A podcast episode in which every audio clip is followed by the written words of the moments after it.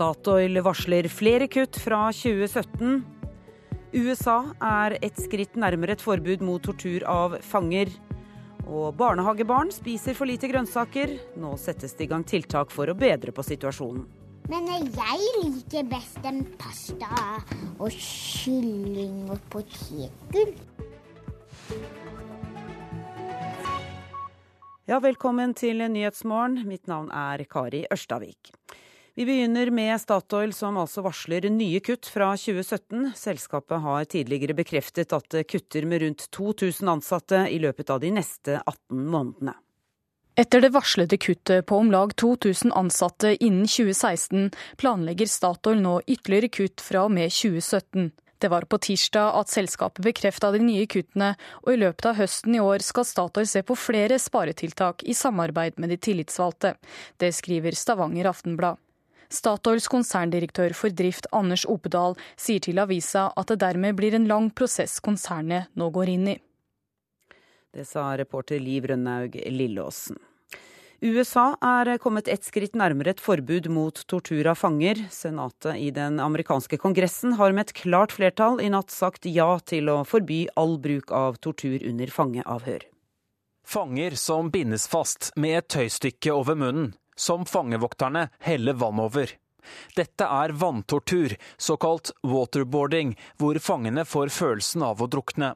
Det er én av metodene CIA har brukt for å få terrormistenkte til å snakke, og som USA har fått krass kritikk for. Men nå kan det være slutt. I natt har senatet i den amerikanske kongressen sagt ja til å forby all tortur under avhør av fanger. Hvis også politikerne i Representantenes hus stemmer for forbudet, blir det innført. Republikaneren John McCain har vært med på å utarbeide forslaget. Han ble selv torturert som krigsfange i Vietnam på 1960-tallet. Også president Barack Obama gikk inn for å forby tortur under avhør allerede i 2009. Det sa reporter Haldor Asvald. For første gang er norske Telemark bataljon på øvelse som Natos nye spydspiss. Øvelsen foregår nordvest i Polen. Norge deltar sammen med Tyskland og Nederland i den hurtigreagerende styrken, som er Natos svar på den nye trusselen fra øst. Norske stridsvogner på vei fra én øvelse i Tyskland til en annen i Polen. De må komme raskt frem og være operative i løpet av kort tid. Jeg er major Eivind Gjelle, Telemark bataljon. Major Eivind Gjelle i Telemark bataljon sier at alt handler om hurtighet. Altså en testøvelse for å se hvor, eh, hvor fort vi kan deployere Nato-styrker. Vanligvis planlegges slike militærøvelser over måneder, og de som skal delta pleier å være forberedt på alt. Øvelsen Noble Jump er annerledes. Den skal være så realistisk som mulig for å teste hvor raskt og effektivt en flernasjonal styrke kan rykke ut dersom et Nato-land blir angrepet. Målet er at de skal kunne rykke ut på to døgn. I Polen er over 2000 soldater fra ni Nato-land med i øvelsen. Styrken ble opprettet som en reaksjon på Russlands annektering av Krim. Natos reaksjonsevne var for treg, og medlemslandene i øst ropte opp om flere tiltak for å hindre at noe lignende kunne skje i deres land. Svaret var hyppige øvelser i øst og raskere reaksjonsevne. Men de østeuropeiske medlemslandene vil ha mer. Polens forsvarsminister sa for tre dager siden at de forhandler med USA om å ha amerikanske stridsvogner og andre våpen permanent utplassert i landet. Det er opp til USA å avgjøre, men vi ønsker det fordi vi mener det er viktig for Polens sikkerhet, sier Thomas Sayamoniak. Ikke bare Polen, men også de tre baltiske statene skal være i dialog med USA. Dersom USA plasserer ut våpen, vil det bety brudd på en avtale med Russland fra 1997. En avtale som skulle hindre et nytt våpenkappløp og kald krig. Og senere i dag besøker generalsekretær Jens Stoltenberg øvelsen. Reporter her var europakorrespondent Åse Marit Befring. Og så til kollega Morten Jentoft i Moskva. I går kveld møtte du Russlands president Vladimir Putin i forbindelse med den finske presidentens besøk i Russland. Hvordan kommenterte Putin den økte spenningen i Østersjøområdet? Ja, uh, Putin han sa det at uh, enhver, som han sa da, militær uh, trussel, enhver tilnærming fra Nato mot Russland, det vil bli møtt med militære mottiltak fra russisk side. Han sa at da vil man være nødt til å eh, eh, plassere ut styrker da i de eh, områdene som man ser hvor trussel kommer fra. I tillegg til dette så rasler jo fremdeles da til eh, manges kan du si, forferdelse Russland fremdeles da med atomvåpnene. Vladimir Putin sa tidligere i går i forbindelse med en militær utstilling at eh, Russland plan, eh, planer, har planer om å utplassere 40 nye interkontinentale raketter da med eh, atomstridshoder i løpet av 2015. Sånn at eh, det er helt tydelig at Russland fortsetter med sabelraslingen, men sier da at dette er et svar på en trussel som man ser da fra Nato, som nærmer seg Russlands grenser hele tiden. Hvordan eh, kommenterte Putin muligheten for at Finland kan bli medlem av Nato? Ja, Det blir selvfølgelig også et tema under samtale med den finske presidenten Soli Ninistø. Og Putin var eh, klar i sitt svar da. Han sa at den beste garantien for finsk sikkerhet sikkerhet, det er at Finland forblir nøytralt. Eh, I dag er det jo en diskusjon i eh, Finland om eh, Finland bør bli medlem av Nato på samme måte som de baltiske land og Polen er det. Men det er jo ikke et flertall i Finland for å bli medlem av Nato. Og Vladimir Putin sa altså at den Beste, det beste Finland kan gjøre, er å forbli og beholde sin nøytrale status.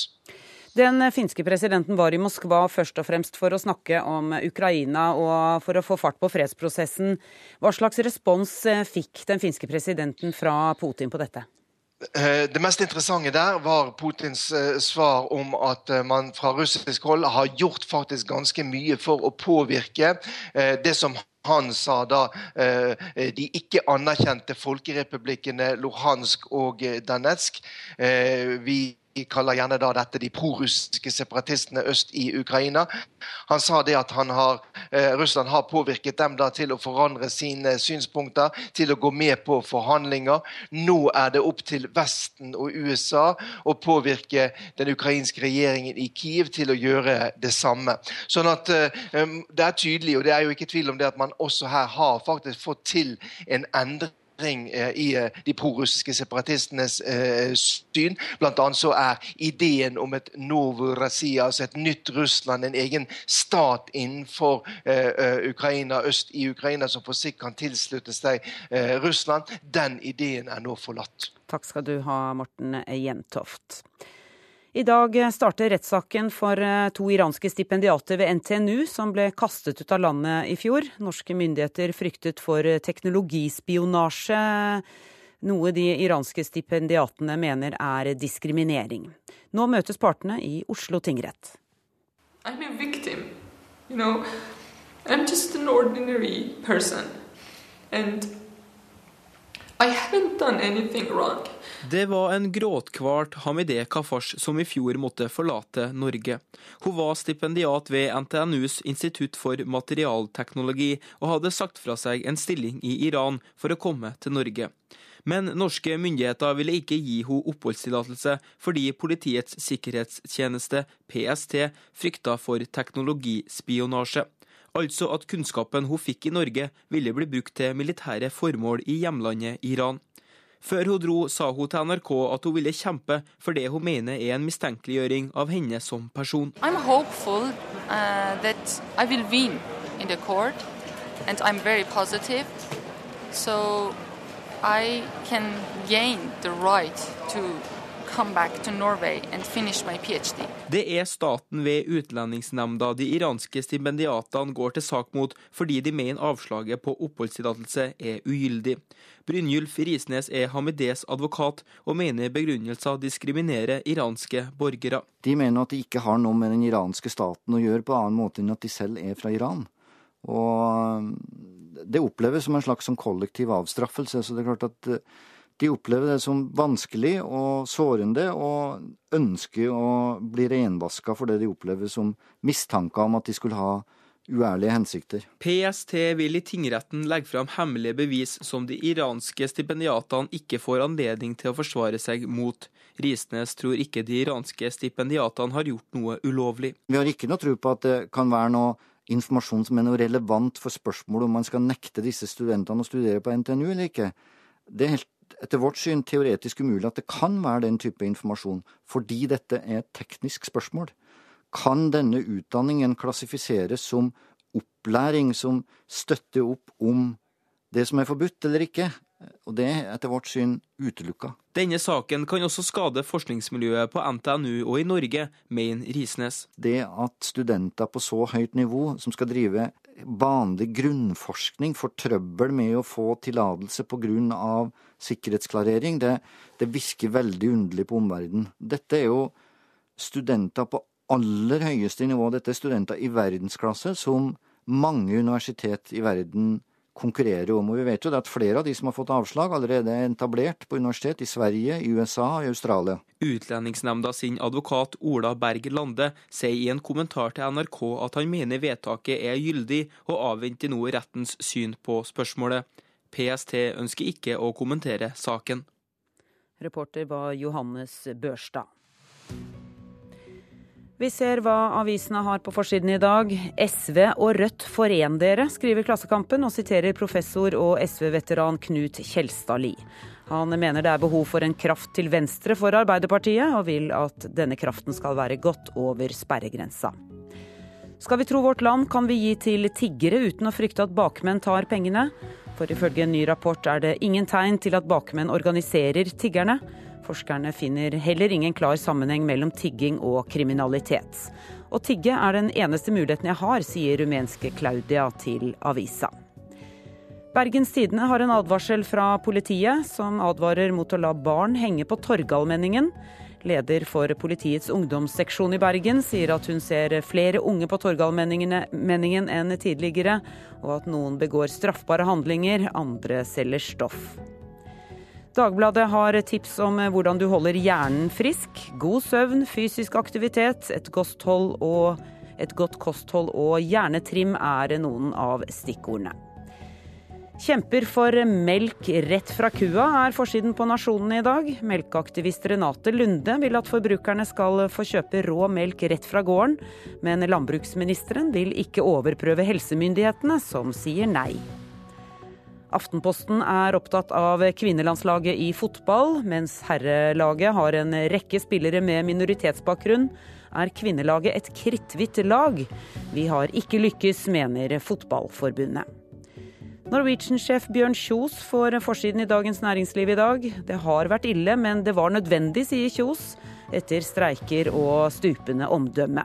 Det eneste han angrer på, er at han satte nye Dreamliner-fly i rute for tidlig. Et bilde av Stortinget er å se på Dagsavisens forside i dag, som spør om hvilket parti som er mest robust, og hvem snakker mest om sex. Avisa har sett på referatene fra landets mektigste talerstol. Og VG har historien om dekkbaronen Sharif, som ble pågrepet av politiet i går. VG har sett nærmere på suksessen, konkursene og politirazziaen hjemme hos Sharif.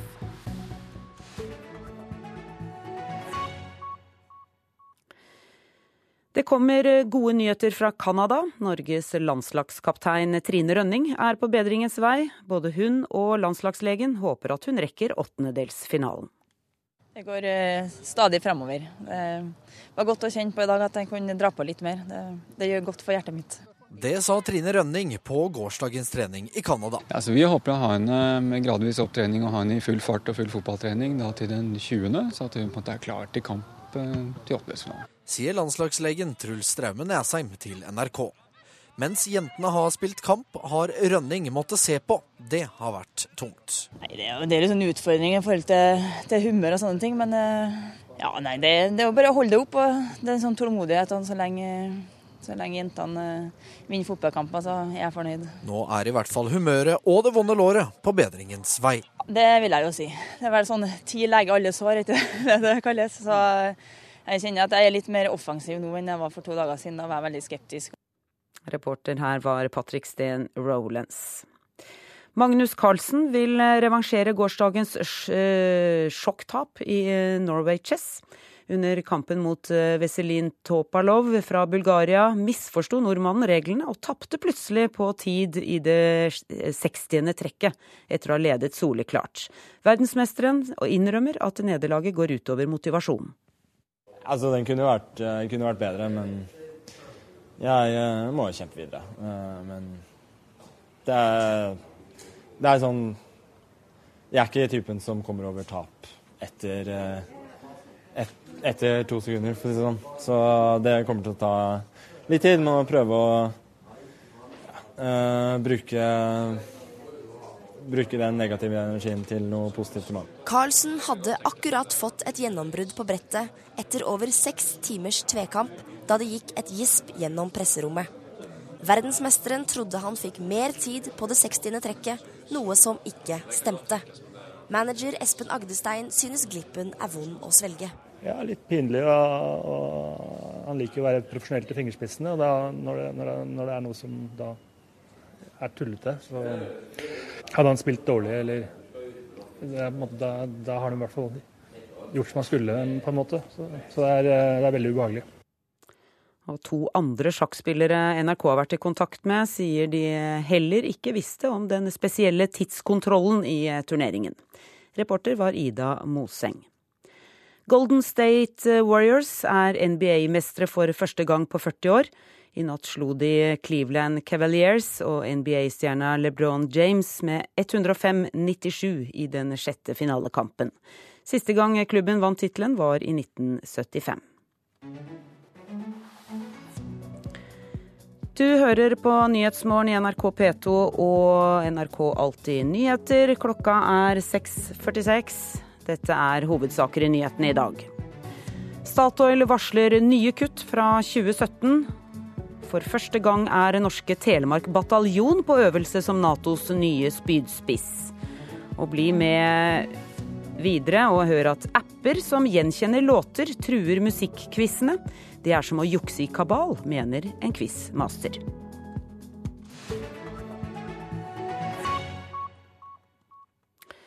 Mange av barnas måltider spises i barnehagen, men forskning har vist at inntak av grønnsaker blant barn i barnehagealder er for lavt. Derfor har Universitetet i Oslo og Høgskolen i Buskerud og Vestfold gått sammen om et forskningsprosjekt for å finne gode tiltak som gjør at flere barn spiser grønnsaker. Ofte så har vi jo grønnsaker og masse annet. Hva slags grønnsaker har dere? Um, salat og litt tomat. Det er veldig godt. da. Vi har jo også pizza. Pizza? Ja, pizza. Solvangkirken barnehage i Tønsberg er én av 73 barnehager i Buskerud og Vestfold som er med på forskningsprosjektet. Ernæringsfysiolog og forsker Anne Lene Kristiansen fra Nøtterøy, som jobber på Universitetet i Oslo, sier at det er et omfattende prosjekt de har satt i gang. Det starta nå med, i 2015 med datainnsamling, og vi avslutter ikke før i 2017. Så det er et langt prosjekt for å komme fram til gode tiltak.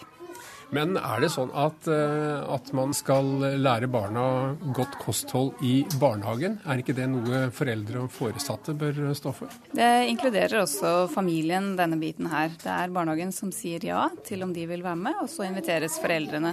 Så, så, barna involveres via familien også. Og vi tenker at både barnehage og hjem sammen eh, kan gjøre det beste for barnet. Eh, og vi ønsker variasjon. Eh, mange typer, forskjellige typer. Vi ser at veldig mange er flinke til å tilby grønnsaker gjennom f.eks. agurk og paprika.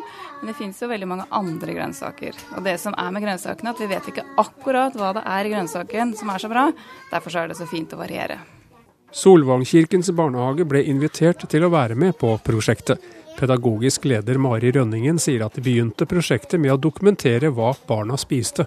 Og da gjorde vi ikke noe annerledes enn det som vi pleier, men vi ble jo veldig da fokusert på hva, hva som faktisk blir spist. Noen grønnsaker trodde vi kanskje at barna faktisk var mer glad i enn de egentlig er. Og det var litt overraskende for oss. Hva slags grønnsaker var det? Eh, vi har jo servert veldig mye både paprika, agurk, sånn som vi gjør til brødmåltider. Men gulrøtter f.eks. har vi tenkt at det er enda mer populært. da. Vi, men vi har hatt mye rester av det. når vi har den uka som vi serverte og dokumenterte det, så hadde vi mye igjen.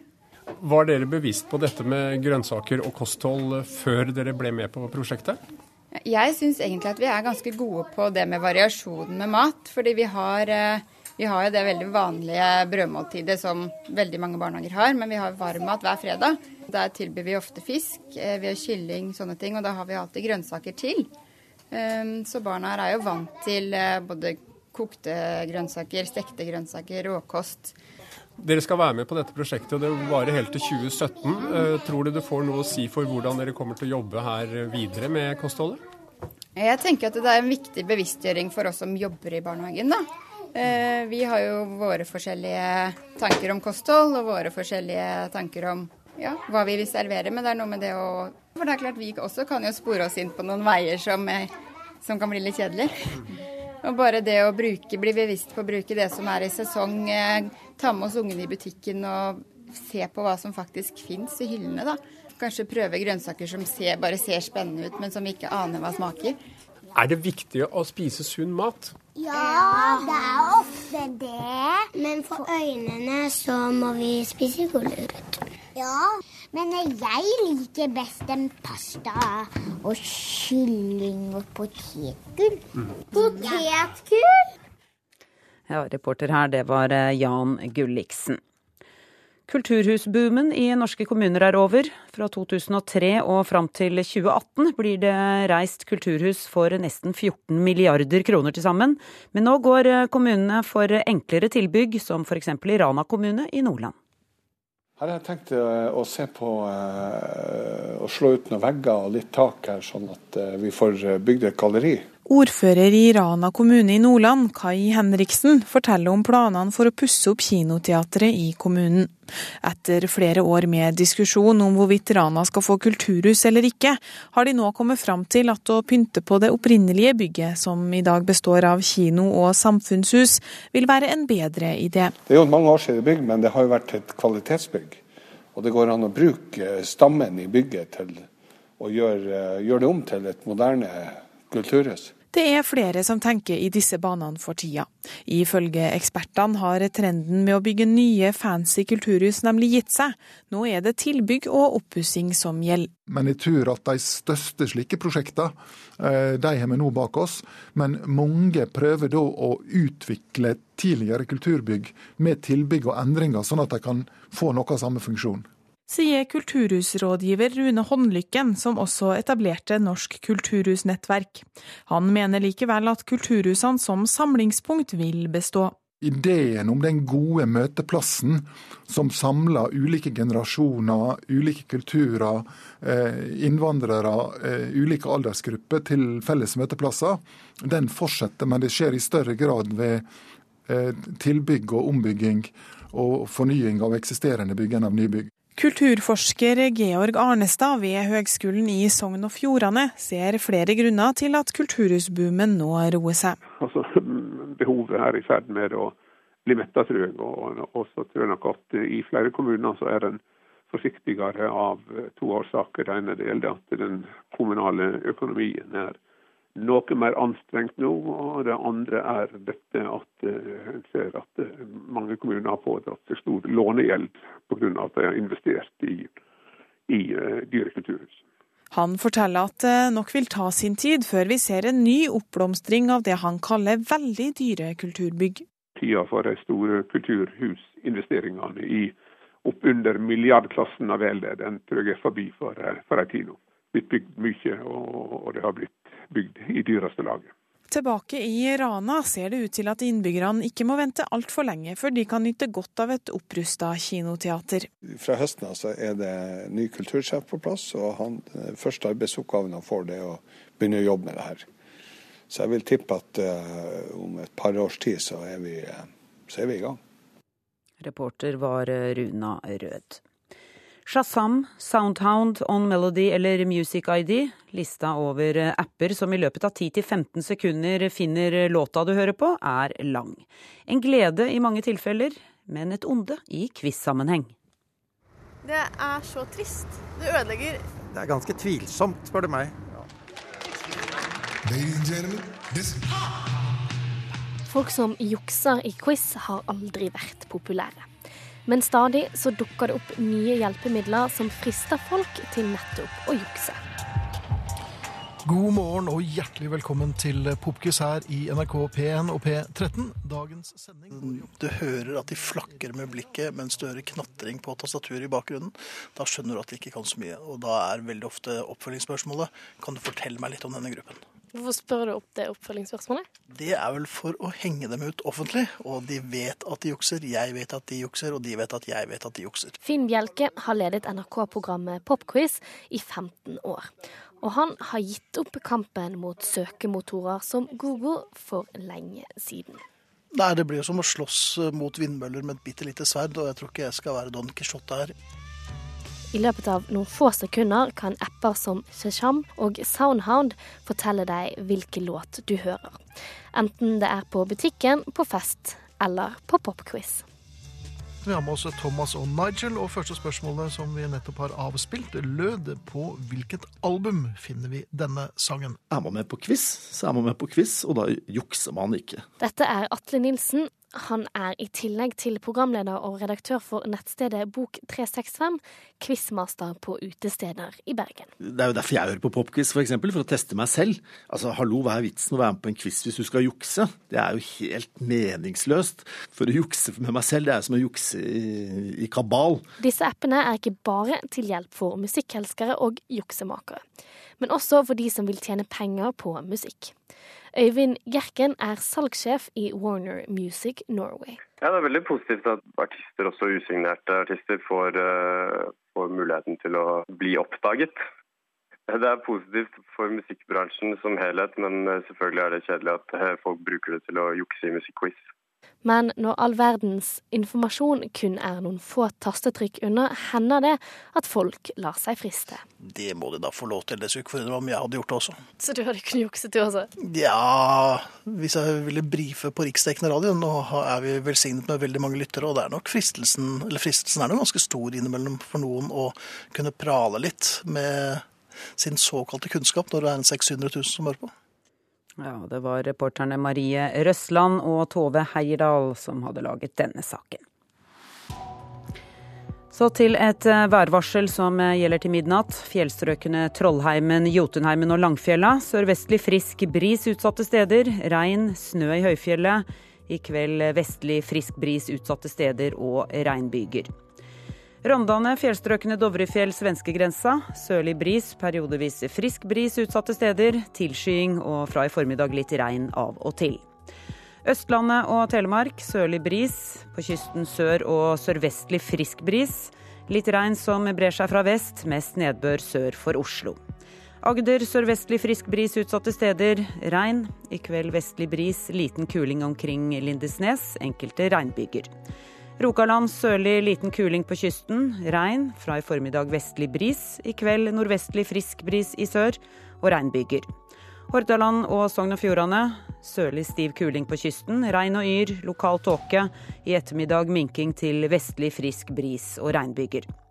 Møre og Romsdal sørøstlig bris, litt regn. Sent i ettermiddag dreining til sørvestlig bris, først i sør. Også her regnbyger. Trøndelag sørøstlig bris, opp i nordøstlig frisk bris på kysten. Oppholdsvær, fra i kveld litt regn. Nordland skiftende bris, fra i ettermiddag nordøstlig frisk bris på kysten, først i sør. Først på dagen enkelte regnbyger, senere oppholdsvær og i sør. Etter hvert eh, til dels pent vær. Troms skiftende bris, enkelte regnbyger, men også perioder med sol. Finnmark nordvestlig frisk bris utsatte steder eh, og øst for Nordkapp perioder med liten kuling, enkelte regnbyger. Og til slutt Nordensjøland på Spitsbergen. Nordvestlig bris på kysten vest. Av og til frisk bris, oppholdsvær og perioder med sol. Vi ser på noen temperaturer. Svalbard lufthavn fire grader. Kirkenes fem. Alta seks. Tromsø-Langnes seks. Bodø sju. Brønnøysund seks. Trondheim-Værnes fem. Molde sju. Bergen er også sju. Stavanger 8 grader. Kristiansand 9, Gardermoen 8, Lillehammer 6, Røros minus 1 Og Oslo-Blindern 9 grader. NRK P2. Tiggere trakasseres mer i Norge enn i våre naboland. Hard ordbruk dagen før valget i Danmark. Folk med innvandrerbakgrunn blir mobbet etter debatter. Her er NRK Dagsnytt klokka sju. Nordmenn trakasserer mest i Skandinavia, viser en ny rapport. Hver tredje rom i Oslo forteller at de er blitt slått eller spyttet på. Det er langt over dobbelt så mange som i Stockholm og København. Mange har negative erfaringer, sier Fafo-forsker Guri Tyldum. De forteller at de blir spyttet på, de forteller at folk heller en øl i hodet på en de går forbi.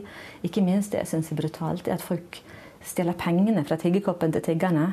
I Stockholm og København forteller rundt halvparten så mange som i Oslo om vold og trakassering fra forbigående. En hypotese vi har, er at det er rett og slett det at vi i Norge vi snakker om dette her som eh, romfolk, mens de i Sverige snakker om de som EU-migranter, og i Danmark som rumenere.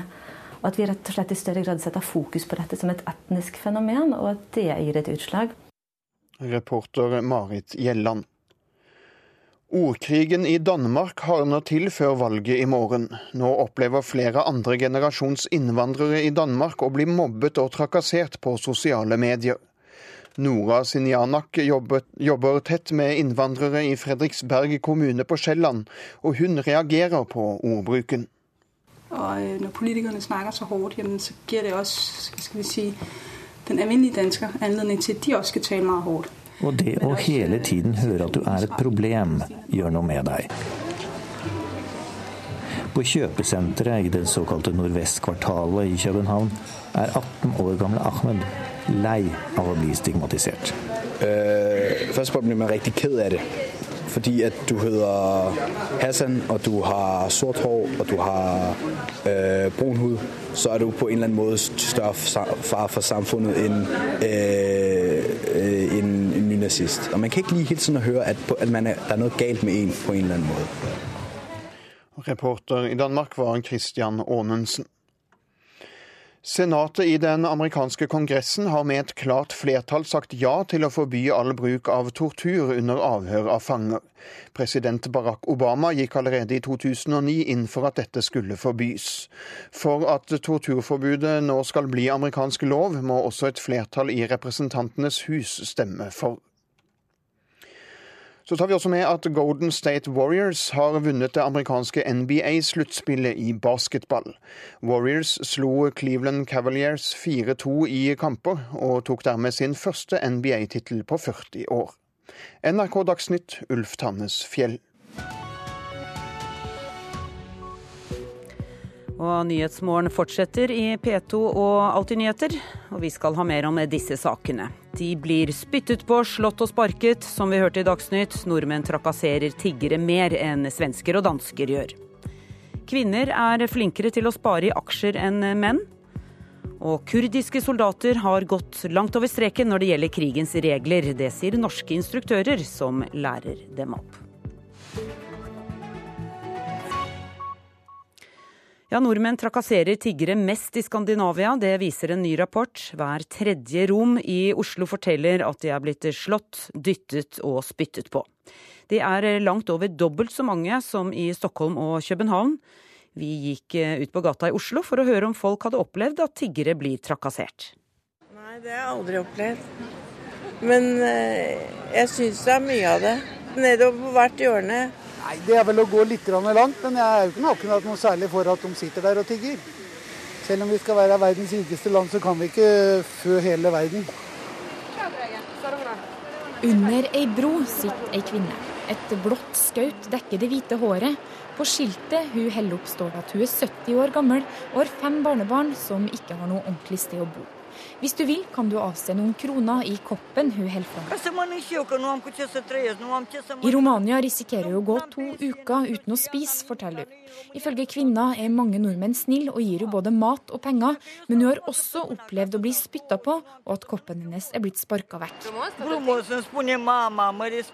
Hver tredje rom i hovedstaden har opplevd slag, spark eller å bli spytta på. Halvparten sier folk har ropt stygge ting etter dem, viser en ny rapport fra Fafo. Det vil si, de forteller at de blir spyttet på, de forteller at folk heller en øl i hodet på når de går forbi. Ikke minst det jeg syns er brutalt, er at folk eh, stjeler pengene fra tiggerkoppen til tiggerne. Sier Fafo-forsker Guri Tyldum. I Stockholm og København forteller rundt halvparten, så mange som i Oslo, om vold og trakassering fra forbigående.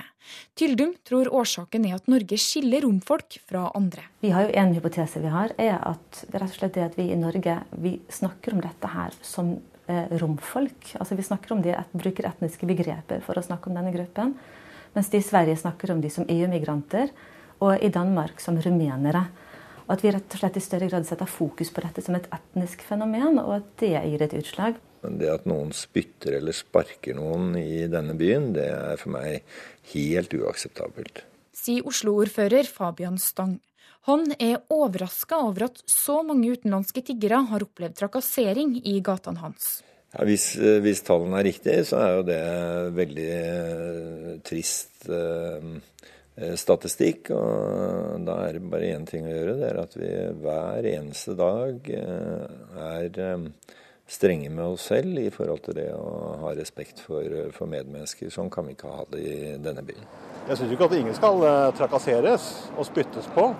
Men samtidig så kan de jo være veldig pågående og plagsomme. da, så er det balansegang fra kanskje begge sider. Altså det, det, er jo det er mennesker som alle andre, så jeg tenker at er, de må kunne behandles som mennesker. Selv om man kanskje sitter og tigger penger som noen syns er en litt uting. Det er jo bare menneskeverd. Alle er jo like mye verdt. og det, ja, Vi er litt dårlige i Norge til å ja, være snille mot hverandre, egentlig.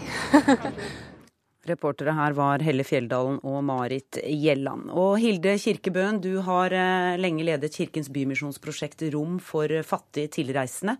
Du er også Kirkens Bymisjons representant når eh, denne rapporten blir eh, lagt fram senere i dag. Hva synes du om rapporten? Nei, Jeg syns det er en kjempebra rapport, og veldig eh, fint at um, det er laga en såpass grundig rapport som sammenligna Norge, eller Sverige, Stockholm, København og Oslo. Og den, veldig, den får fram fakta og kunnskap på en måte som, som denne debatten her trenger. Du, I hvor stor grad opplever tiggere å bli trakassert, slik du kjenner det?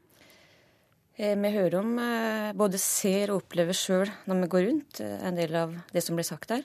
At folk blir spytta på og helt øl i og huet på og, og rana på gata. Og vi hører om mye av det, men tiggerne er opptatt av å si at det er De opplever mye vennlighet og gode nordmenn, da. Men det er mye av det. Men Hva sier de om hvordan det oppleves å bli trakassert på denne måten? Eh, de syns det er ille, og, eh, men eh, det er litt skremmende å se hvor mye de finner seg i, uten å reagere på det og bare trekke på skuldrene og si at sånn, det, de er så vant til det. Hvorfor er dette mer utbredt i Oslo enn andre byer, tror du? Det handler om at for det ene så er det mer synlig, altså tiggerne er mer synlige i Oslo enn f.eks. København. Og, Hvorfor det? Nei, I København er det jo forbudt å tigge, så oh, ja. der må de gjemme seg og springe fort og sånn. Eh, og så handler det om det som har vært sagt tidligere her, at eh, debatten i Norge er litt spesiell. For den er eh, basert veldig på etnisitet. Det bruker ord som romfolk og, eh, og ja, som kan til dels legitimisere en sånn dehumanisering da, av et folk. Eh, og som gjør at eh, folk tillater seg å behandle den gruppa her på en annen måte enn en andre. Hva er det viktigste som kommer fram i rapporten? Eh, for det ene så er det det som, det som, jeg har stått mye om, at det er, eh, det er ikke organisert av bakmenn. Eh, og at det er reell fattigdom. Og da, såpass grundig undersøkelse som er gjort i Romania som, som, avliver mye av mytene. da, At dette her er, det er faktisk Ja, det er reell fattigdom, og det kommer hit fordi de har, de har ikke så mange andre valg.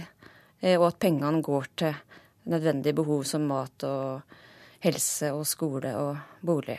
Det, det høres, ja, Betyr det at vi, vi, det er bare å gi til tiggere? Eh, ja, altså jeg bruker å anbefale å gi, gi gjerne litt. Men eh, eh, vi, altså noen gir veldig mye, og da er det vanskelig å få til andre konstruktive tiltak. Eh, hvis, altså hvis den blir for avhengig av å tjene penger på tigging, da, og, at det gir for stor inntekt, eh, så motiverer ikke det for å gjøre andre ting. Men eh, så lenge de ikke har så mange andre alternativ, så, så er det det. Så gi litt, hva er det, da? Litt, ja. Nei, altså ikke, ikke, gi mange hundre eller mange tusen, men uh, gi noen tiere. Sånn at de har nok til mat og, og det de trenger for å leve.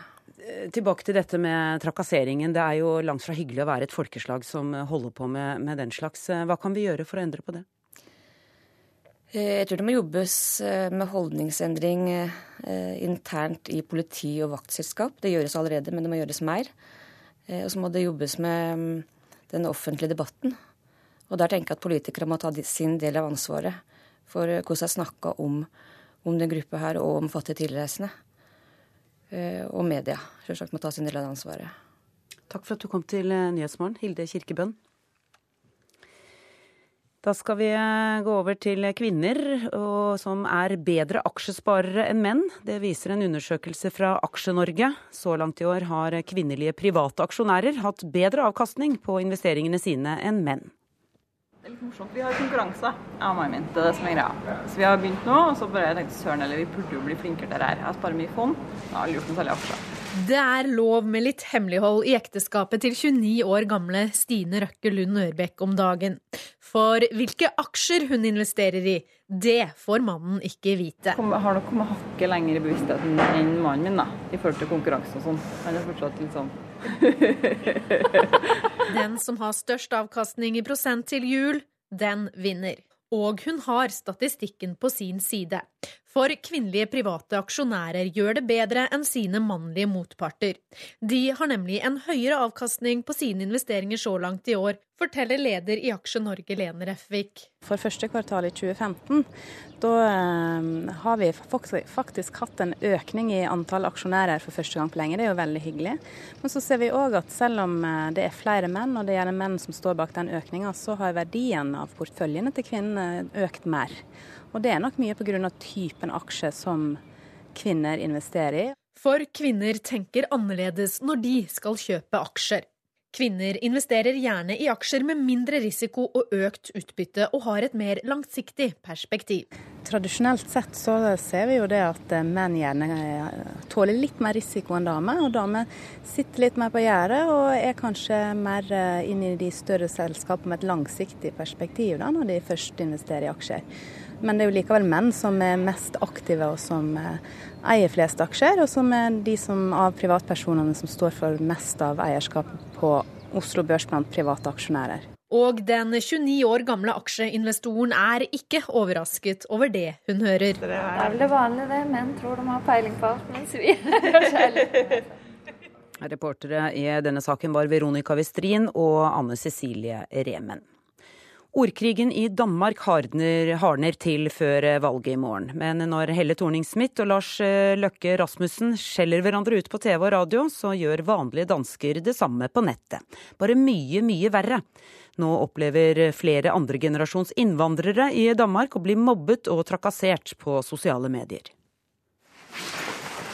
Vi blir nødt til å låse fordi det kommer alle mulige merkelige mennesker inn. Liselotte Duck passer på hvem som kommer inn i Kulturhuset på Bispebjerg i København. Og vi har dansk undervisning. I bydelen med størst innvandrertetthet i Danmark tar fem ansatte imot 70 innvandrerkvinner hver dag. Øh, de fleste som kommer hos oss, er kvinner med øh, PTSD, posttraumatisk stress. Mm. Det vil si det er kvinner som er flyktet fra krig og har opplevd forfølgelse og tortur og fengsling. Det her det er vores oase. Ja. Det er en, øh, vi har nettopp anlagt den. Den er helt ny. En terapihave. Men utenfor den grønne oasen har debatten rundt innvandring og integrering rast og preget den danske valgkampen. Og mange har kastet seg på diskusjonen på sosiale medier. Og der nøler de ikke med å si hva de mener. Jeg syns det er en fryktelig debatt som i virkeligheten bare handler om å sparke nedad på dem som har det aller dårligst. Hva tenker eh, de kvinnene som går her om denne debatten? Jamen, jeg tror faktisk ikke de tenker så mye. Jeg tror bare de dukker nakken og blir ulykkelige. Og jeg tror det gjør dem passive og oppgivende. Hei. Nora? Hei. Kristian. Hyggelig. Vil du med opp på mitt kontor? Eller? Ja, ja litt nemmere. Mm. På rådhuset i Fredriksberg tar Nora Sinjanak imot oss. Her jobber hun med de som har de største sosiale problemene i kommunen.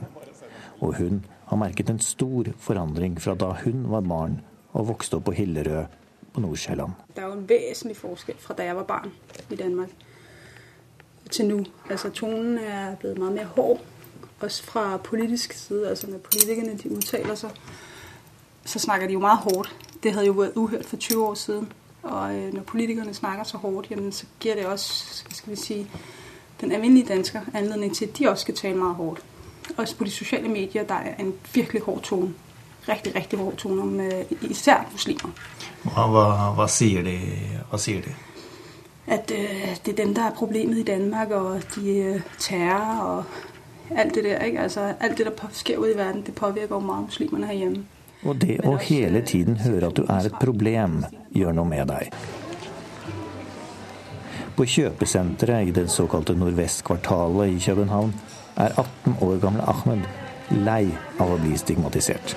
Uh, først og blir man riktig ked av det, når man får å vide at av den ene eller den andre grunnen så fordi at du heter Hassan, og du har sort hår, og du har øh, brun hud, så er du på en eller annen måte større far for samfunnet enn øh, øh, en nynazist. Man blir, man blir ked av det, fordi man er også et menneske, og man kan ikke lige hele tiden høre at, at man er, det er noe galt med en på en eller annen måte. Reporter her var Christian Aanensen. Klokka er 7.16. Du hører på Nyhetsmorgen, og dette er hovedsaker i dag. Tiggere trakasseres mer i Norge enn i våre naboland. Kvinner er bedre aksjesparere enn menn her i landet. Og bli med mot slutten av denne halvtimen. Vi har ikke sett en kaldere og våtere vår og forsommer på mange tiår, og bøndene fortviler over gress og korn som drukner i regn.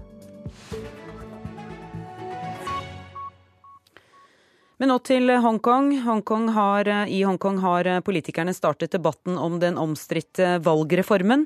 Reformen vil gi innbyggerne mulighet til å velge hvem som skal ha det øverste politiske vervet i byen, men folket kan bare velge mellom kandidater som er godkjent av Beijing. Og det har ført til omfattende demonstrasjoner. Reporter eh, og korrespondent Peter Svaar, du er i Hongkong og følger utviklingen. Hvordan ligger det an? Vil reformen bli vedtatt? Ja, Her i Hongkong er det en eh, langt mer spent stemning i dag. Det er langt flere demonstranter i gatene og mye mer politi. Og det dere hører i bakgrunnen her, er grupper av demonstranter som er både for og imot Beijing, som eh, nå har nærmest en lydkrig hvor de prøver å overdøve hverandre med sine megafoner. Selve debatten inne i eh, Hongkongs lovgivende forsamling, Legco, hvor jeg står rett utenfor, har Eh, ikke startet. Den skal starte litt senere i dag, og det er nå ventet at eh, begge sider kommer til å prøve å bruke filibustertaktikk og utsette selve voteringen. Den kan hende ikke kommer før på fredag, men det er jo ventet, alle forventer, at eh, denne valgreformen vil bli nedstemt med eh, bare fire stemmer. Det mangler fire stemmer for at den skal få det to tredels flertallet som er nødvendig. Og Det betyr altså at eh, dette forslaget fra Beijing om en veldig begrenset eh, eh form for nominering av eh, eh, kandidater til regjeringssjef her i 2017 ikke kommer til å bli vedtatt. Og Stemningen i byen er, er spent, sier du. Blir det flere demonstrasjoner i dag? Ja, det er varslet demonstrasjoner eh, utover ettermiddagen, og folk kommer jo til å følge med på denne debatten veldig tett. Politiet i Hongkong har også for første gang i historien eh, sendt 200 uniformerte politifolk inn i bygningen. og De sier at det er fordi de frykter at eh, radikale demonstranter skal prøve å storme salen mens eh, debatten pågår. Det er jo også ti mennesker som er arrestert her tidligere i uken, mistenkt for å ha planlagt bombeattentater mot eh, parlamentsbygget. Så det er en litt spent og urolig stemning her før denne voteringen. Men det er altså eh, slik alt tyder på nå, slik at eh, dette forslaget ikke går igjennom. Ja, og hva vil skje da? Det som i utgangspunktet vil skje da, er at Hongkong beholder sitt nåværende politiske system. og Dvs. Si at eh, byens innbyggere ikke har noen innflytelse på hvem som blir eh, regjeringssjef. Det er det en 1200 eh, mann stor komité av byens politiske og finansielle elite som bestemmer. Eh, derimot så vil eh, pandemokratene og de demokratiaktivistene her jo hevde at eh, da må hele prosessen med en politisk reform starte på nytt. Man må gå tilbake til, til første sted på spillebrettet og starte helt forfra igjen. Det vil jo ikke Beijing godta, og sannsynligvis vil Hongkong da ikke ha noe som helst valg på sitt øverste politiske lederskap på kanskje et tiår fremover. Kurdiske soldater har gått over streken når det gjelder krigens regler. Det sier norske instruktører, som lærer dem opp i de internasjonale lovene for krigføring. I Erbil i Irak lærer de norske soldatene opp kurdere som skal krige mot terroristene i IS.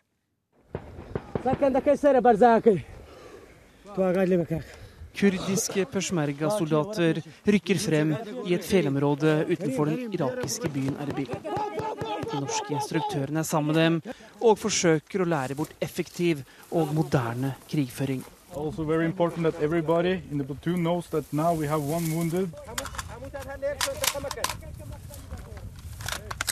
Men det er noen utfordringer.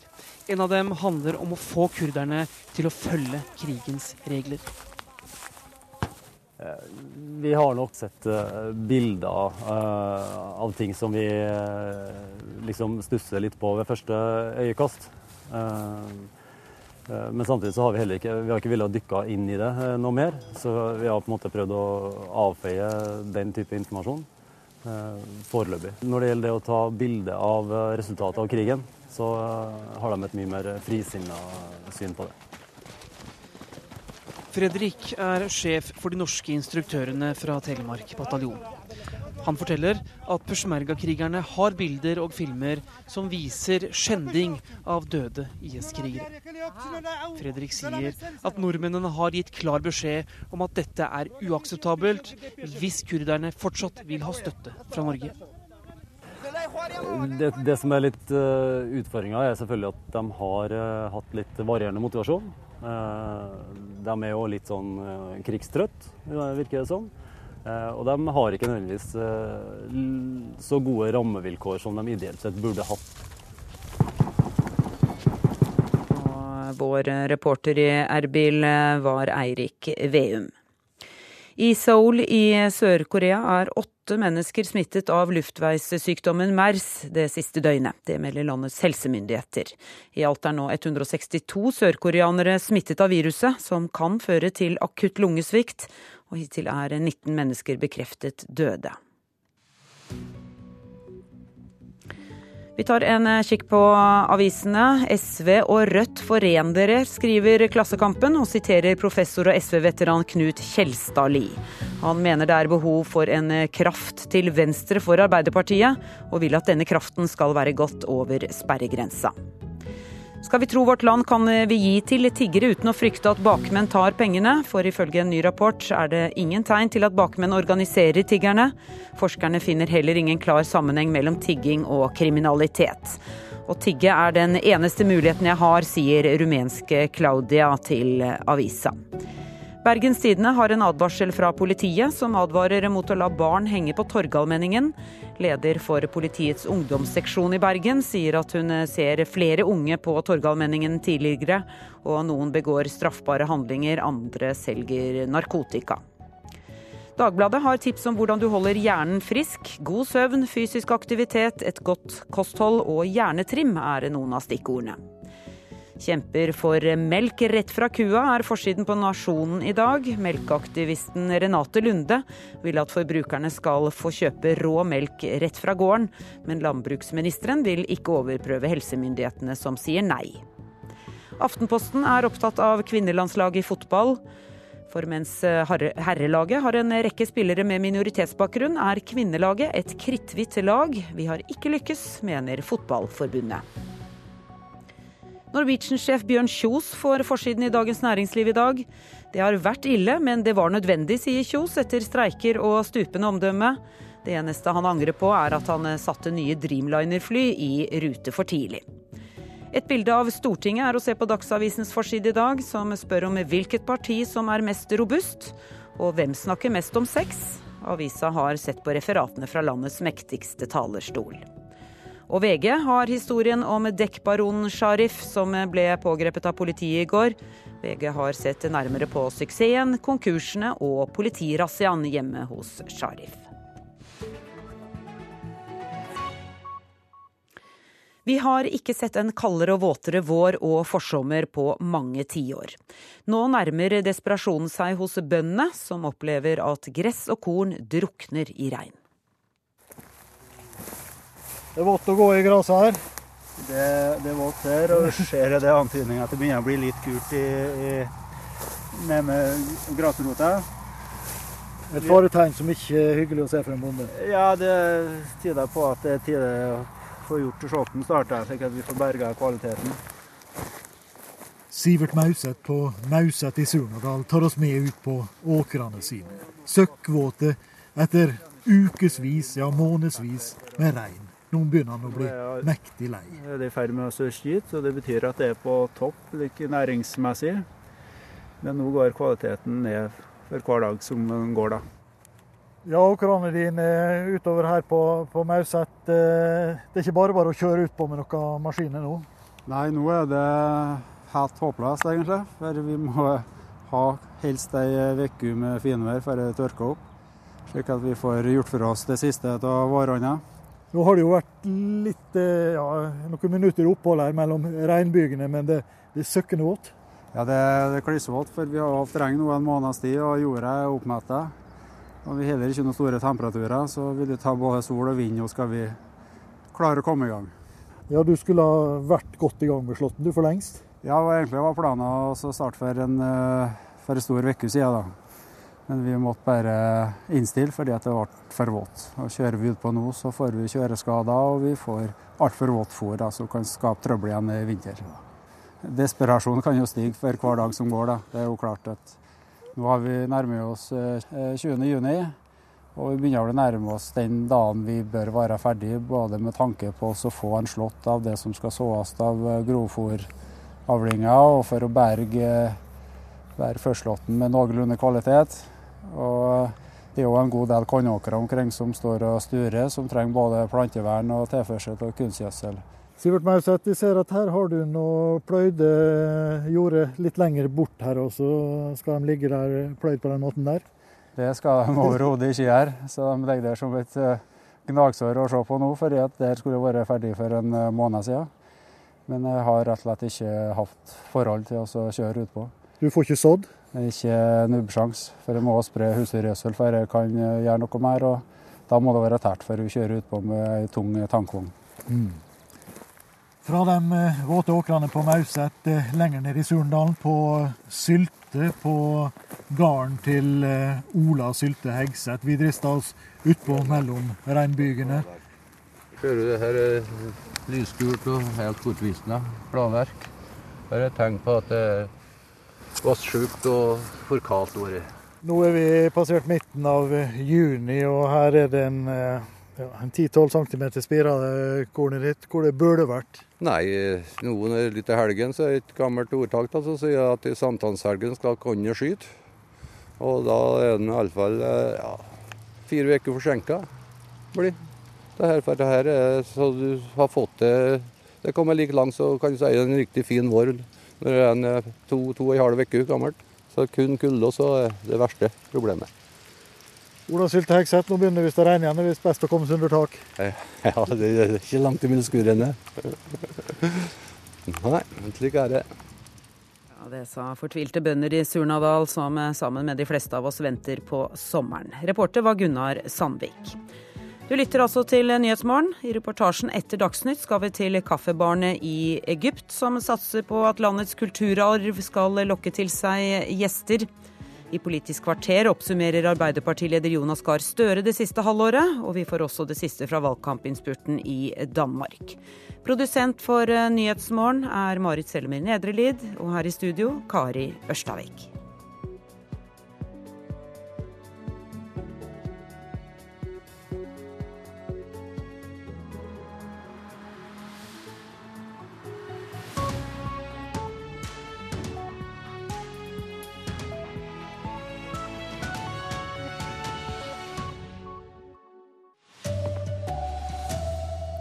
Romfolk som tigger i Oslo blir slått og spyttet på. Flere trakasseres her enn ellers i Skandinavia.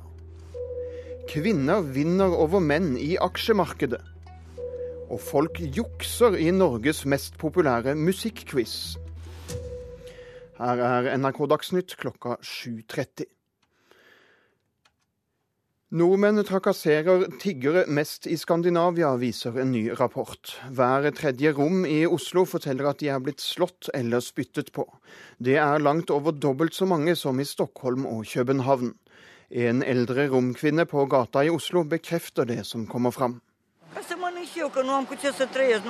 Ifølge kvinna er mange nordmenn snille og gir henne både mat og penger, men hun har også opplevd å bli spytta på, og at koppen hennes er blitt sparka vekk. Hver tredje rom i hovedstaden har opplevd slag, spark eller å bli spytta på. Halvparten sier folk har ropt stygge ting etter dem, viser en ny rapport fra Fafo. Det vil si, de forteller at de blir spyttet på, de forteller at folk heller en øl i hodet på deg når de går forbi. Ikke minst det jeg syns er brutalt, er at folk stjeler pengene fra tiggerkoppen til tiggerne. Sier Fafo-forsker Guri Tyldum. I Stockholm og København forteller rundt halvparten, så mange som i Oslo, om vold og trakassering fra forbigående. En hypotese vi har, er at det er rett og slett det at vi i Norge vi snakker om dette her som eh, romfolk, mens de i Sverige snakker om de som EU-migranter, og i Danmark som rumenere. Og at vi rett og slett i større grad setter fokus på dette som et etnisk fenomen, og at det gir et utslag. Det at noen spytter eller sparker noen i denne byen, det er for meg helt uakseptabelt. Sier Oslo-ordfører Fabian Stang. Han er overraska over at så mange utenlandske tiggere har opplevd trakassering i gatene hans. Ja, hvis, hvis, tallene er riktige, så er jo det veldig eh, trist eh, Eh, statistikk. Og da er det bare én ting å gjøre. Det er at vi hver eneste dag eh, er eh, strenge med oss selv i forhold til det å ha respekt for, for medmennesker. Sånn kan vi ikke ha det i denne byen. Reportere Helle Fjelldalen og Marit Gjelland. Og Hilde Kirkebøen, du, er, du, har lenge ledet Kirkens Bymisjonsprosjekt Rom for fattig tilreisende. Hvordan opplever tiggere den trakasseringen vi hører om her? Eh, nei, jeg opplevde det som eh, skremmende og um, at de er ganske ubeskytta når de sitter på gatene i Oslo. Men de er opptatt av å si at mange oppfører seg fint mot dem og er vennlige. og, og sånn, Men det er en del av det som blir sagt. Av, altså at de eh, blir rana, blir spytta på, sparka til koppen eh, og slekting. ting. Hvorfor er dette mer utbredt i Oslo enn i andre byer? Det handler nok om at det er litt mer synlige, altså tiggerne er mer synlige i Oslo enn f.eks. København, der det er forbudt å tigge. Eh, og fordi, som det har vært sagt her, at debatten i Norge har, eh, er prega veldig av eh, begrepsbruk som romfolk og etnisitet. At vi kanskje noen politikere legitimerer en del av eh, den dehumaniseringa som vi ser mot denne gruppa. Hva skal til for å få slutt på dette, da? Jeg tror det er litt sånn som den rapporten her, altså at vi snakker om det i media. At folk blir bevisste på det. Og eh, at eh, vi får en annen offentlig debatt om det, med annen, annen type språkbruk. Og en holdningsendring innad i politi og vaktselskap. Takk skal du ha, Hilde Kirkebøen. Kurdiske soldater har gått over streken når det gjelder krigens regler. Det sier norske instruktører som lærer dem opp i de internasjonale lovene for krigføring. I Erbil i Irak lærer de norske soldatene opp kurdere som skal krige mot terroristene i IS. Kurdiske peshmerga-soldater rykker frem i et fjellområde utenfor den irakiske byen Erbil. De norske instruktørene er sammen med dem og forsøker å lære bort effektiv og moderne krigføring.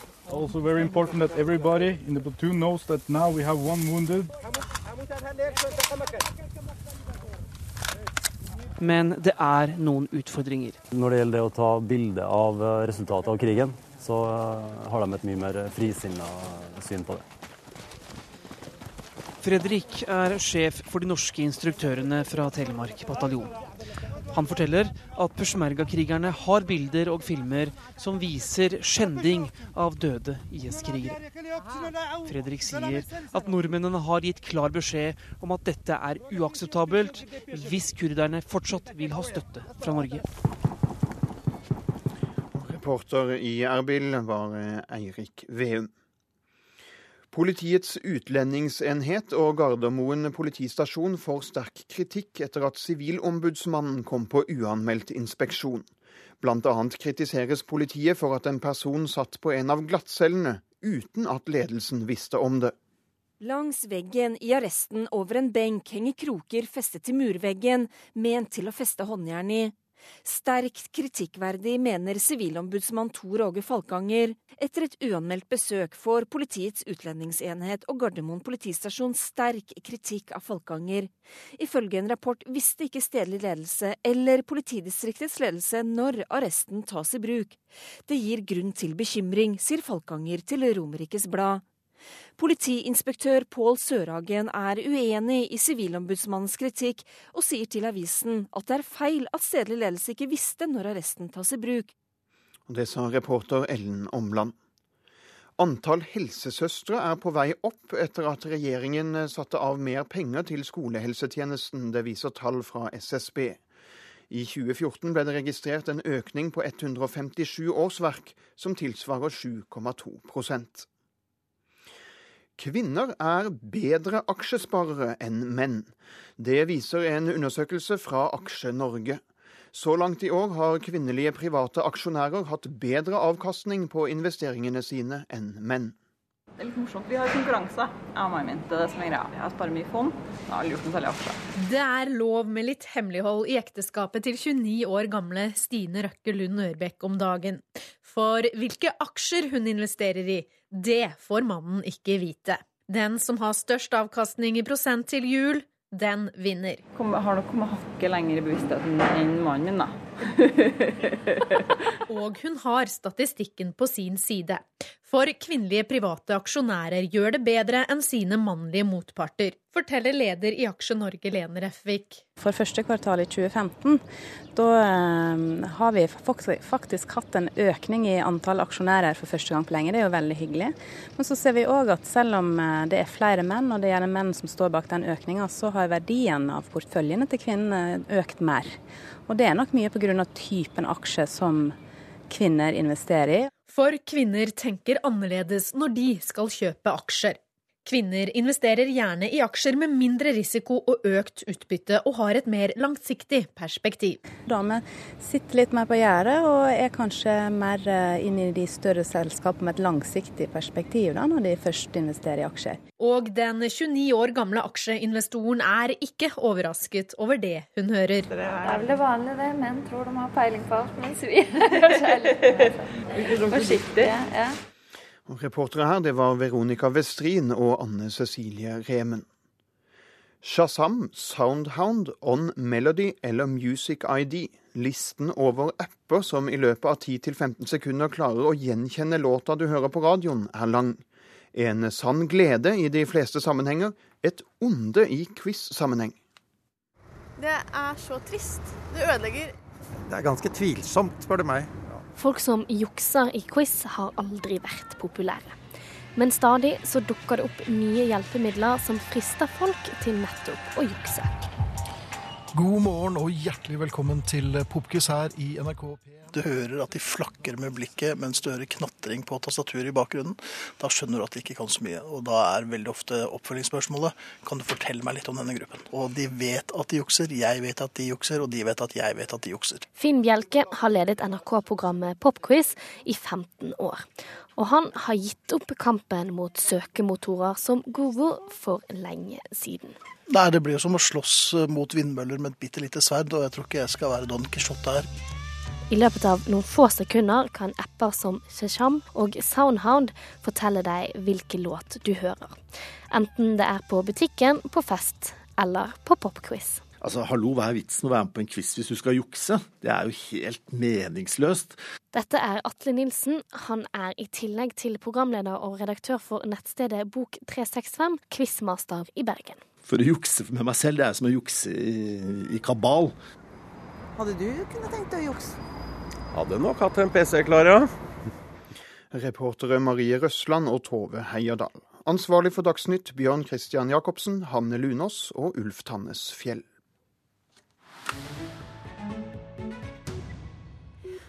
Og Nyhetsmorgen fortsetter på P2 og NRK Alltid nyheter. I storbyen Kairo satser kafeer og kaffebarer på at Egypts stolte historie og rike kulturarv skal lokke til seg gjester. Men konkurransen er beinhard. Spesielt tøft har det vært etter at turister fra vestlige land har sviktet Egypt etter den arabiske våren 2011.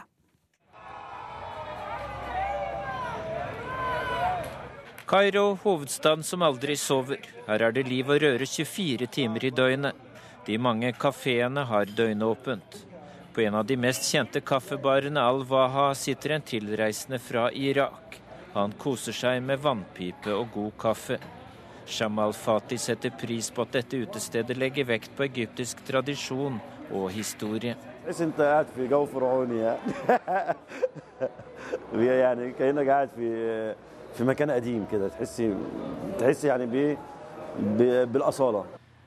Det er en herlig atmosfære her, det er som å være tilbake i faraotiden, sier han. Kaffebaren er bare to år gammel, men den er innredet med gamle ting fra Egypts stolte historie. Her er det keramikkrukker og montre med eldgamle mynter. Her er det malt kunst på veggene hvor mye minner om hieroglyfer fra storhetstiden. Her er også portretter av fara og faraos kvinner. Innehaveren av denne populære kaffebaren er Hani Adli. حابب المكان بتاعي كده وحاسه ان هو حلو يعني انا مش مستغرب ما, ما بالعكس انا بنبسط لما الناس تيجي بتخش هنا وتقعد تصور Jeg er stolt når jeg ser at folk kommer innom for å ta bilder av stedet vårt. Men kafeen skal ikke være eksklusiv, sier han. En kopp kaffe eller te koster fem egyptiske pund, ca. fem kroner. Innehaveren legger vekt på at både fastboende og tilreisende skal ha råd til å oppsøke kafeen. De fleste kundene er menn som hygger seg med kaffe, spill og vannpipe. Tobakkslukta og aroma fra kaffen konkurrerer om å dominere duften i lokalet. En skikkelse med langt, lyst hår skiller seg ut i vrimelen av gjester. Hun er fra USA og er unntaket som bekrefter regelen om at det er menn som går på kafé i Kairo, og at vestlige turister har sviktet Egypt. Tina McCollow har funnet sitt stamsted under ferieoppholdet. They're proud of their country, they're proud of their, their heritage and their traditions, and they show it. They show it, and this is nice. De viser så tydelig at de er stolte av landets kulturarv og historie, og det liker jeg, sier hun til nyhetsbyrået Ap. For etter den arabiske våren i 2011 har det vært få tilreisende fra USA og Europa. Turistindustrien har måttet tenke nytt og orientere seg mot velstående i Midtøsten, Kina og Russland. Amerikaneren verdsetter at utesteder i Kairo fremmer kultur, historie og tradisjon fra eget land. Hun er lei av å se at mange steder så kopierer de amerikanske utesteder, som f.eks. Hard Rock Café. They want to be like the Hard Rock Cafe in, in another country, or you know what I mean? Trafikken går forbi kaffebarene i Kairo sentrum. Utelivsbransjen og turistindustrien forsøker å komme seg på fot igjen. I 2010 kom hele ti millioner turister for å seile på Nilen, besøke pyramidene eller faraogravene, eller for å slappe av på strendene ved Rødehavet.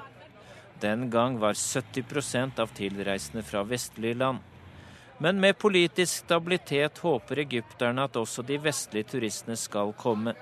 De skal lokkes tilbake av et folk som er blitt enda mer bevisst på å vektlegge det genuine og ekte Egypt. Reporter her, det var Dag Bredvei. Romfolk som tigger i Oslo blir sparket, slått og spyttet på. Flere trakasseres her enn ellers i Skandinavia. Kvinner vinner over menn i aksjemarkedet her i landet. Og ledelsen ved Gardermoen politistasjon vet ikke når arresten tas i bruk. Det er for dårlig, mener Sivilombudsmannen. Og nå blir det Politisk kvarter ved Håvard Grønli.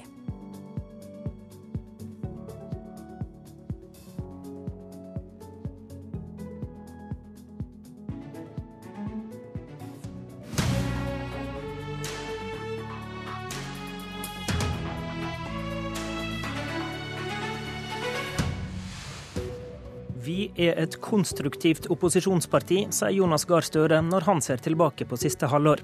Politisk kvarter setter konstruktiviteten under lupen. Vi ser også på stillinga i den danske valgkampen, ett døgn før danskene går til valg. Og den enkle oppsummeringa der er at det er en skikkelig politisk thriller. God morgen, Arbeiderpartileder Jonas Gahr Støre. God morgen. I dag oppsummerer Arbeiderpartiet det politiske halvåret. De egen overskrift er at partiet legger bak seg en periode som konstruktivt opposisjonsparti. Hva mener du med det? Vi er halvveis i stortingsperioden, så da kan vi få et blikk på det. Og jeg mener at det er det vår rolle er. Eh, konstruktiv fordi at vi skal være med på å finne løsninger som er bra for landet. Det sa jeg da jeg ble valgt til leder, at kommer det gode forslag, så skal vi stemme for dem. Og i det siste året så har vi hatt uh, grundige diskusjoner om utenrikspolitikk i en vanskelig internasjonal situasjon. Vi har funnet enighet om en politireform som vi begynte å jobbe med, og som nå er uh, kommet i mål med sammen med regjeringspartiene. Vi har samlet oss om klima, og vi har fått et godt forlik om flyktninger. Det er eksempel på det. Men så skal vi være opposisjon, og det er Jeg har vært åtte år i regjering, og jeg ser også nå hvor viktig det er å være tydelig i opposisjon, både på saker Eh, som eh, dukker opp, enten det handler arbeidsmiljø, eh, en hastig jernbanereform som gir dårlige løsninger, eller på retning. Det som skjer i forhold til troen på at skattekuttene skal kunne gi oss gode løsninger, stram kommuneøkonomi, troen på at bare det blir færre og større, så blir det bedre.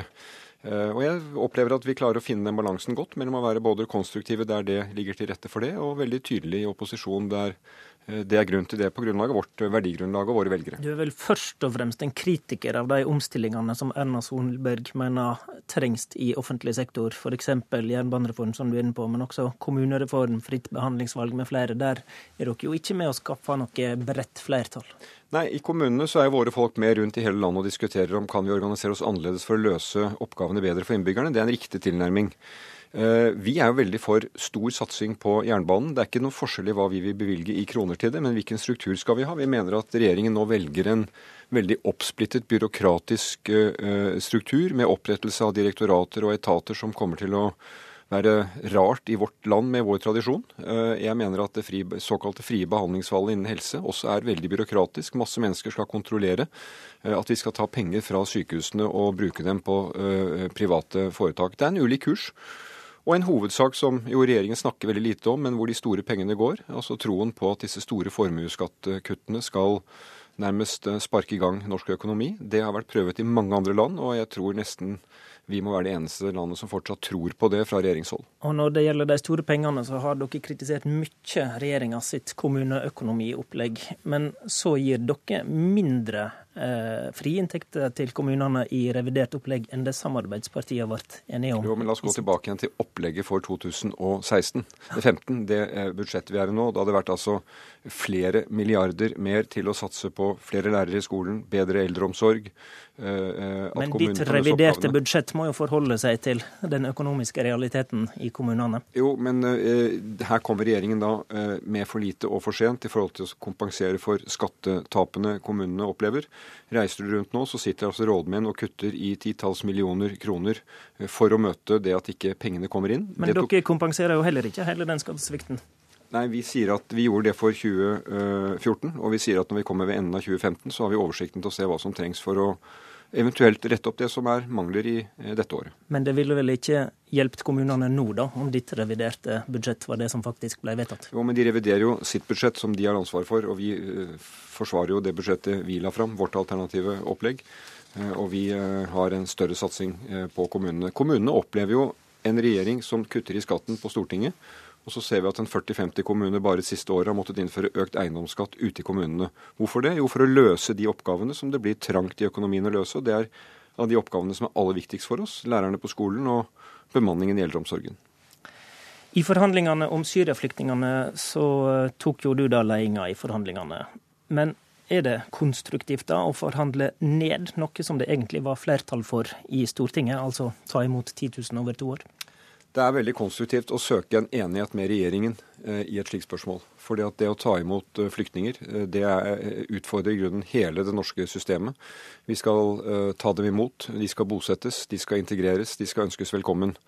Og tanken på at du skal få flyktninger som kommer til Norge og få høre at regjeringen er imot og taler imot, det er en dårlig utgangspunkt. Derfor så var vi villige til, og det tror jeg alle de partiene som hadde 10 000 som et mål, det tallet er jo Eh, ikke på, på si, vitenskapelig eh, tall, det er et politisk ambisjon.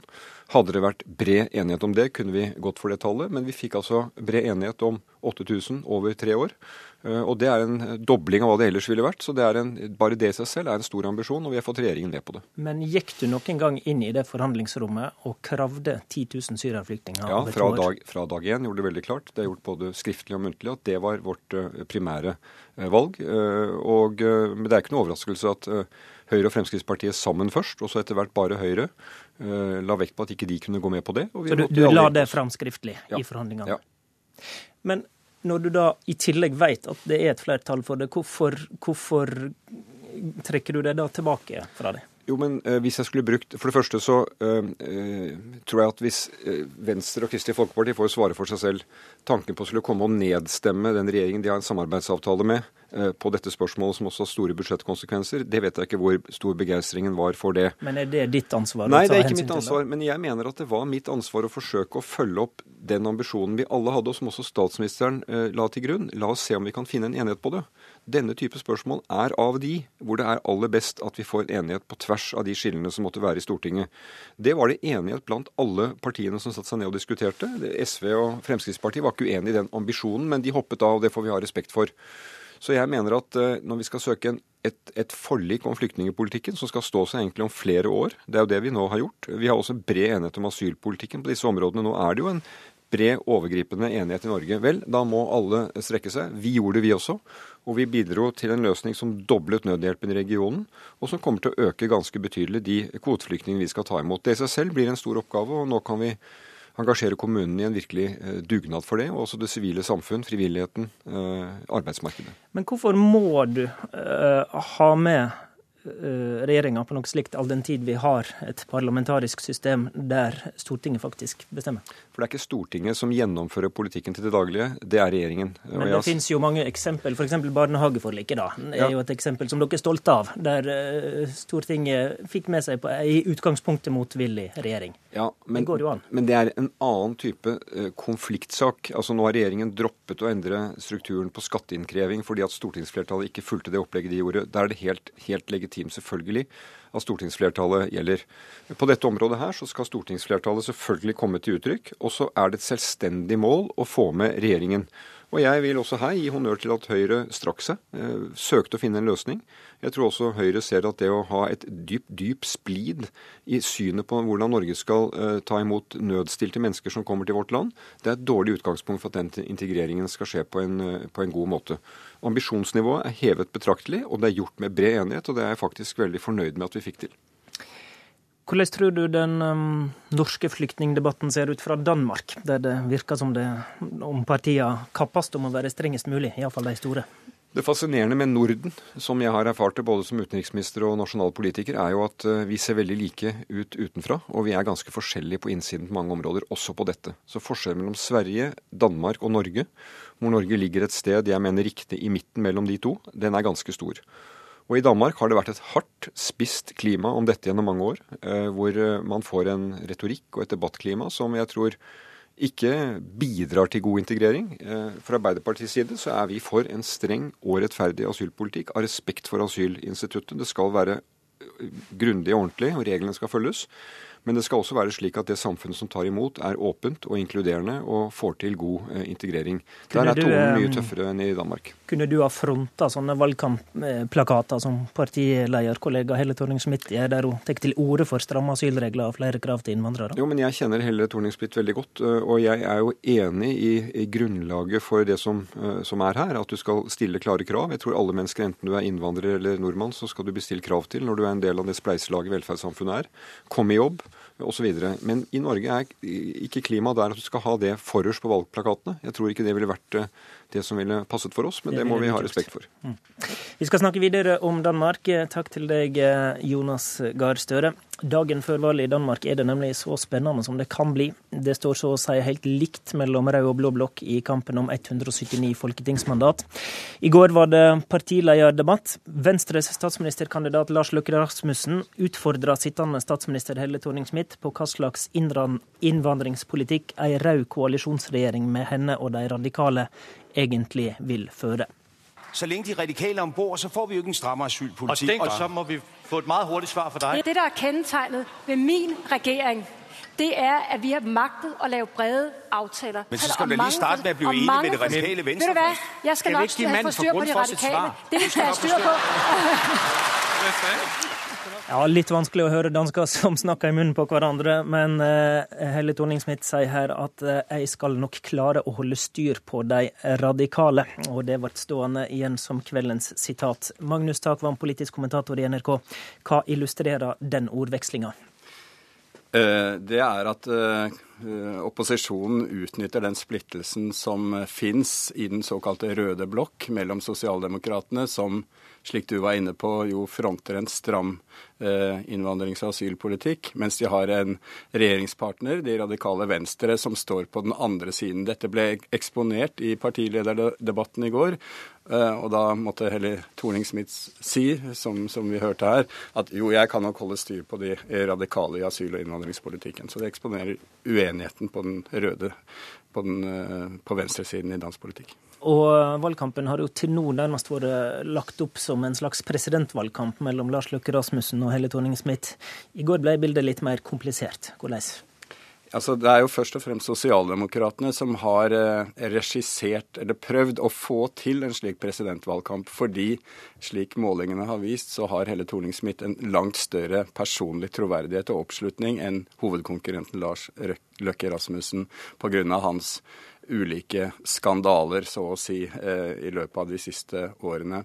Men det er klart du, Og dermed har det vært eh, flere eh, knallharde dueller mellom disse to, der Helle Thorning-Smith har prøvd å utnytte det med en viss suksess. Men når alle partiene kommer på bordet i en slik bred partilederdebatt, så eksponeres eh, det komplekse liksom, bildet på begge sider mm. av blokkene. Og da blir ikke den polariserte person- og presidentvalgkampen som, som eh, sosialdemokratene kan tjene på. Ja, og De har enda flere partier enn oss. Sannsynligvis kommer ni partier inn i eh, Folketinget.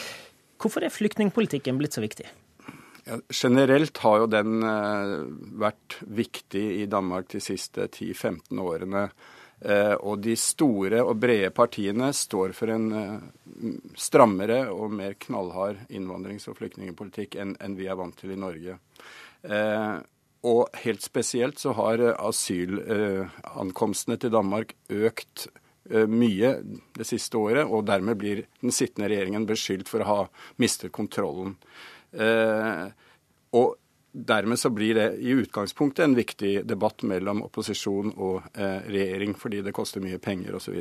Men helt spesielt så står mye av kampen om en gruppe velgere som kan vandre mellom Dansk Folkeparti, det innvandringskritiske partiet, eh, hovedkonkurrenten på borgerlig side, Venstre, og Sosialdemokratene. Man sier at det er kanskje 6% av velgerne som flyter mellom disse tre partiene.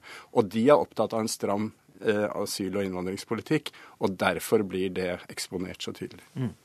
Disse røde og blå blokkene er ikke nødvendigvis eh, så hogd i stein. Kan vi se samarbeid mellom eh, Venstre og Sosialdemokratene etter valget på noen områder? Ja, absolutt. Og sånn som vi var inne på når det gjelder eh, flyktningepolitikken, så, så, er jo venstre, de venstresidepartiene, Enhetslisten av SF, som sosialdemokratene samarbeider med, og Alternativet, dette nye partiet, mer liberale i flyktningpolitikken. sånn at dermed så må uh, sosialdemokratene i enkelte tilfeller samarbeide med eh, de borgerlige om det. Og kanskje særlig også i den økonomiske politikken, eh, der venstre, de venstresideallierte til sosialdemokratene ikke vil akseptere den stramme økonomiske politikken som sosialdemokratene står for. Så vi ser allianser på kryss og tvers mellom blokkene etter et regjeringsskifte også. Valget er i morgen. NRK dekker det bredt. Politisk kvarter var i dag ved Håvard Grønli.